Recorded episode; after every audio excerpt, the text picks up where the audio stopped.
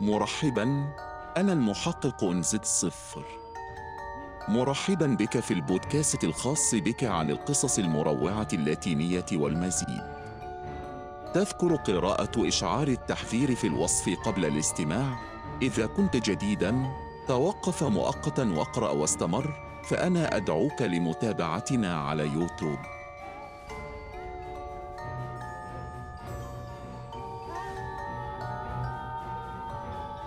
تمت المشاركة بواسطة الاسم المستعار دوناجي كوريتش ثماني حدث لي هذا عندما كنت في التاسعة من عمري في منزل أحد أبناء عمومتي.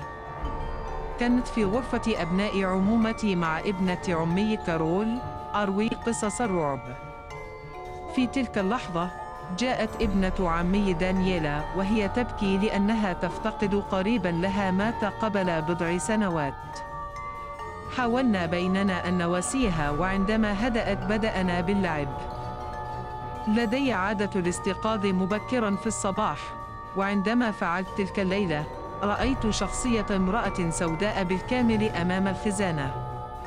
أنا، مثل الفتاة الصغيرة التي كانت، زحفت لأبقى بجوار المرأة وعندما انحنيت رأيت أنها ليس لها أقدام، كانت تبدو فقط مثل الضباب.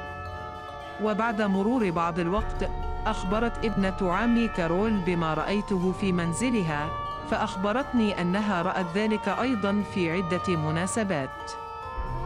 وبصرف النظر عن هذا، فقد أخبرني أيضا أنه كان يسمع خطوات شخص ما على السطح. على الرغم من أننا لم نعرف أبدا من هي تلك الظهورات.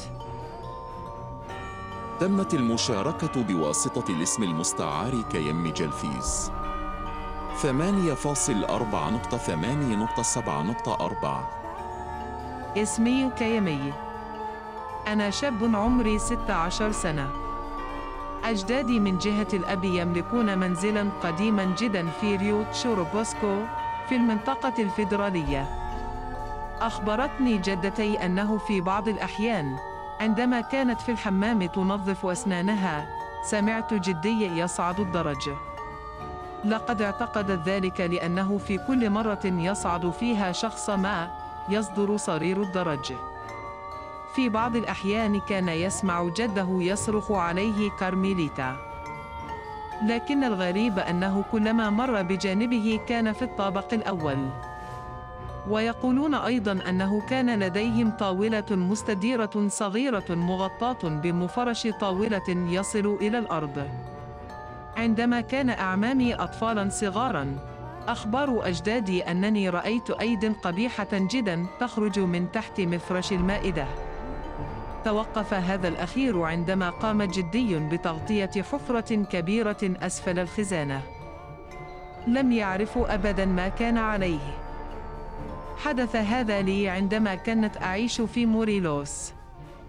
في ذلك الوقت كانت في السادسة من عمري وأتذكر أنه كان لدينا منزل من قبيلة الكرين في منطقة فرعية تسمى لوماسا دي كوكوروتشو المنزل لديه حديقة كبيرة أمامه. ولذلك فإن الضوء في المنزل لا يوفر ما يكفي من الضوء في الليل. ذات مرة كانت أشاهد الرسوم المتحركة في وقت متأخر جدا من الليل وكانت نافذة شرفتي مفتوحة عندما شعرت فجأة أن هناك من يراقبني. عندما التفت رأيت رجلا قويا جدا يبلغ من العمر حوالي أربعون عاما يرتدي سترة بيضاء. بدا وكأنه عيب. الوحيدان اللذان استخدمهما الكهنة باستثناء أن هذا كان به دم وأن الرجل لديه ذيل حصان. ومع ذلك لم أستطع رؤيته. لالي حسنا على الرغم من أن الضوء كان مضاءً إلا أن الظل لم يسمح لي برؤيته. ركضت على الفور وصرخت نحو غرفة والدي. أخبرتهم بما حدث وخرجوا مع أختي التي كان عمرها خمس عشر عاماً. في ذلك الوقت ظنوا أن شخصاً ما متورط. لكنهم لم يعثروا على شيء ومن الجدير بالذكر أن غرفتي كانت في الطابق الثاني ولم يكن من الممكن لأي شخص أن يصل إلى الشرفة من الخارج تقول أختي إنها في تلك المناسبة سمعت قطتنا تموء بشكل قبيح للغاية وبعد ذلك خرجوا للنشر. لكن كما قلت لم يجدوا شيئا على الإطلاق. آخر شيء سأخبرك به حدث في كانكون حيث أعيش حالياً. عندما وصلت إلى هذه المدينة كان عمري حوالي سبع سنوات. أذكر أنني مثل كل طفل كانت أخاف من البقاء في الطابق السفلي والنور مطفأ فأطفأته وركضت بسرعة إلى الطابق العلوي. لكنني كانت أشعر دائما وكأن هناك من يراقبني من أسفل الدرج. بدأ خوفي يختفي عندما أحضر أجدادي كاهنا ليبارك المنزل. لكن شيئا مشابها حدث لي مؤخرا. كانت مستلقيا في منتصف الطريق فوق سريري. وقدماي للخارج عندما غفوت لم تمض حتى خمس دقائق حتى شعرت بضربة وكان وجهي قاسيا لدرجة جعلت رأسي يغوص عميقا في السرير. والأكثر من ذلك كان الأمر كما لو كانت دفعة قوية وسريعة براحة اليد. استيقظت على الفور لكنني لم أفعل أي شيء بسبب الخوف. لقد تجاهلت ذلك فحسب. استقرت واستمرت في النوم. إذا كان لديك أي تجربة لتخبرنا بها يرجى مشاركتها. سنسمع بعضنا البعض في القصة القادمة. تمت المشاركة بواسطة اسم مستعار مجهول. سبعه أحب القراءة وخاصة الأشياء المرعبة. في أحد الأيام اشتريت كتابًا وكان لونه أخضر وصفحاته تشبه الورق المقوى. ظهر تصميم الغلاف بشيطان صغير. أرضت حقًا أن أقرأه لأنني شخص يدرك وجود الخير والشر. في تلك الليلة ذهبت إلى السرير وبدأت أنظر من خلاله، لكن فجأة غلبني النوم. لذلك قررت أن أضع الكتاب تحت الوسادة كانت نائما بالفعل ومدسوسا فيه وشعرت أن شيئا ما كان بجوار الورقة شيئا فشيئا أعلم أنه اكتشفني تماما. كنت نائما ولكن بطريقة ما شعرت. الجميع. وهذا جعلني أشعر بالرعب الشديد. وبعد لحظة من الصمت سمعت خطوات حول السرير. كان الأمر كما لو كانوا يحيطون بها وسمعت خطى تشبه الحوافر. واستمر النقر حتى توقف أمام قدمي وصعد فوقي لقد خدش جسمي كله وحاولت التحرك لكنني لم أستطع. اردت الاتصال بزوجي لكنني لم أستطع أيضا. في تلك اللحظة تذكرت أن والدتي كانت تقول لي دائما أنه عندما تتمكن من النوم عليك أن تصلي بإيمان كبير. لقد فعلت هذا لفترة طويلة وكنت أبكي حتى استيقظت أخيرا. التقطت كتابي وألقيته في سلة المهملات. لكن هذا الوضع استغرق مني وقتا طويلا. تمت مشاركتها بواسطة الاسم المستعار أدغار بيريز.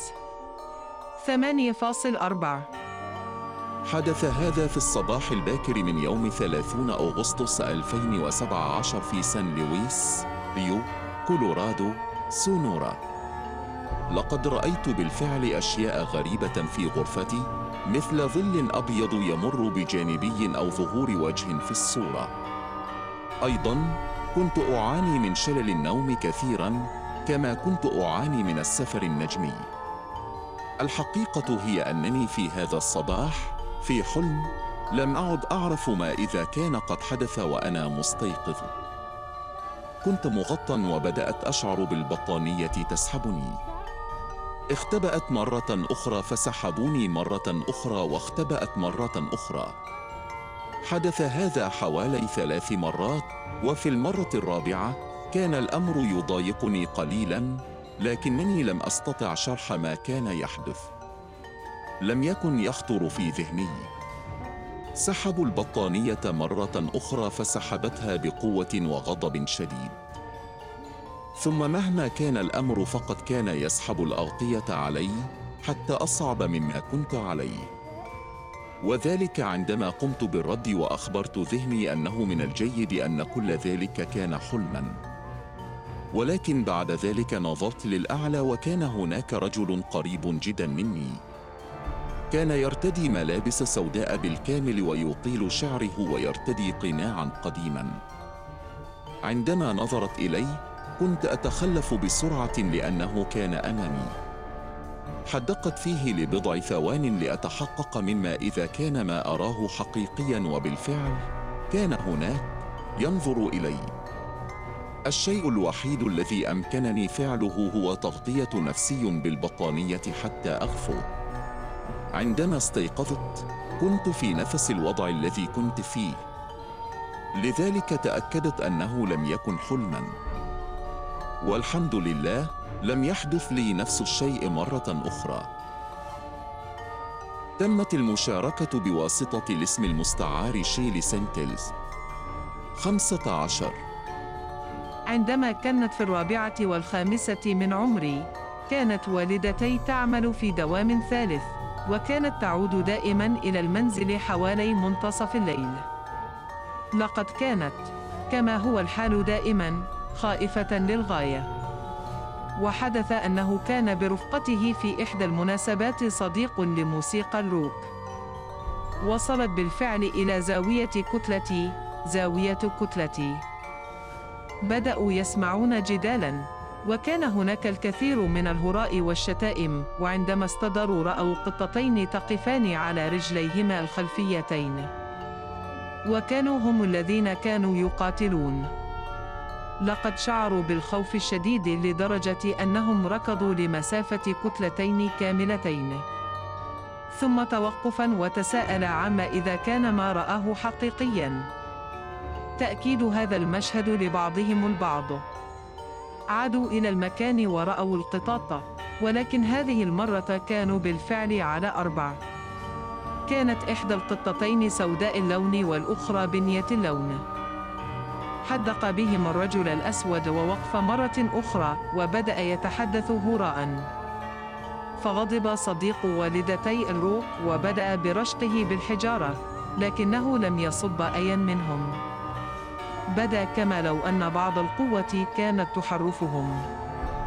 نظرت القطط في أعينهم وسارت للخلف حتى دخلت منزل جارتي واتضح أنه منذ تلك الليلة أصبح جيراني مجانين عملياً. هذه قصة أخرى. يحدث ذلك عندما كنت صغيراً. ذهب اثنان من أعمامي إلى حفلة، لأنه في السابق كانت هناك ساحة عامة بالقرب من منزلي. في إحدى الليالي، عاد أحدهم بمفرده وفي تلك المناسبة فقط كانت تراوده كوابيس بشأن العفاريت. حسناً، اتضح أن عمي قد رأى واحدة. هذا ما تقوله. من جهتي، بعد الخوف من الكابوس، استيقظت حوالي الساعة الثالثة صباحاً.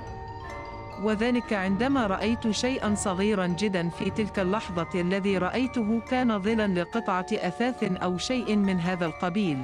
لكن لا كان رجلا صغيرا ليس لديه أرجل وكان متجعدا جدا.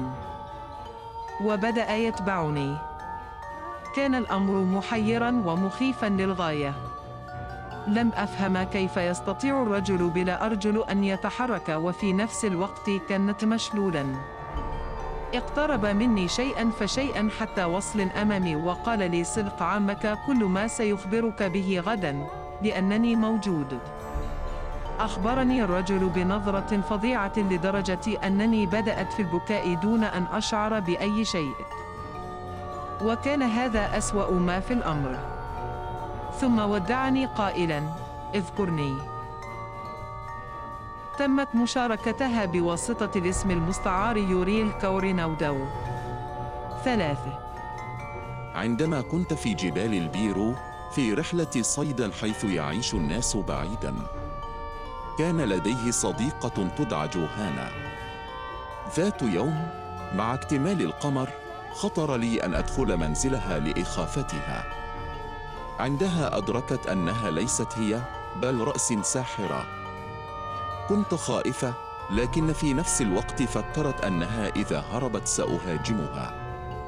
عندها تذكرت أن أجدادي أخبروني أنه إذا قابلت ساحرة لأرمي عليها الرماد. لقد اتخذت القرار. ركضت إلى المطبخ وأمسك بالرماد.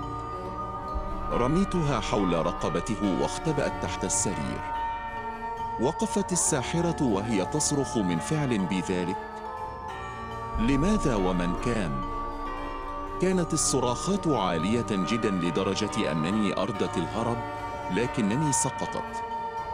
لذلك كنت أنت. صاح. وسرعان ما طار نحوي. رأسه ملتصق برقبتي. لقد كنت على هذا الحال لمدة أسبوع إلى أن ذات يوم كنت أحفر الحطب عبر بعض الكثبان الرملية وقلت لصديقتي من الأفضل أن تبقى هنا لأنه قد يكون خطيراً. ثم عندما كنت أحضر الحطب رأيت غزالاً.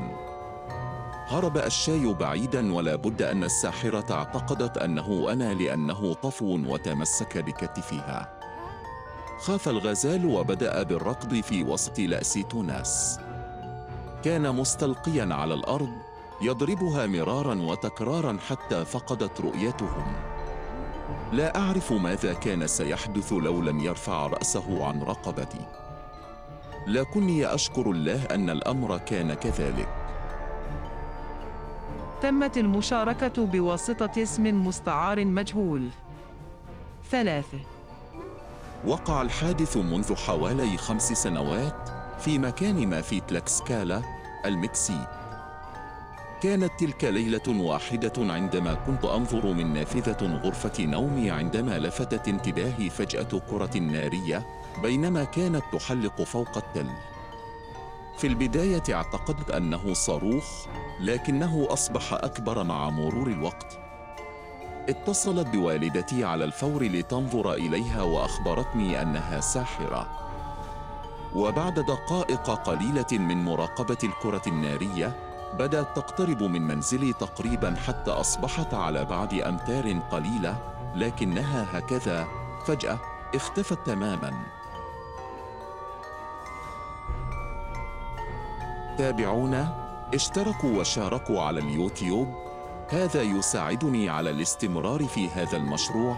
إبداء الرأي في الوصف ستجد رسائل البريد الإلكتروني لإرسال قصصك في حال كنت ترغب في مشاركتها.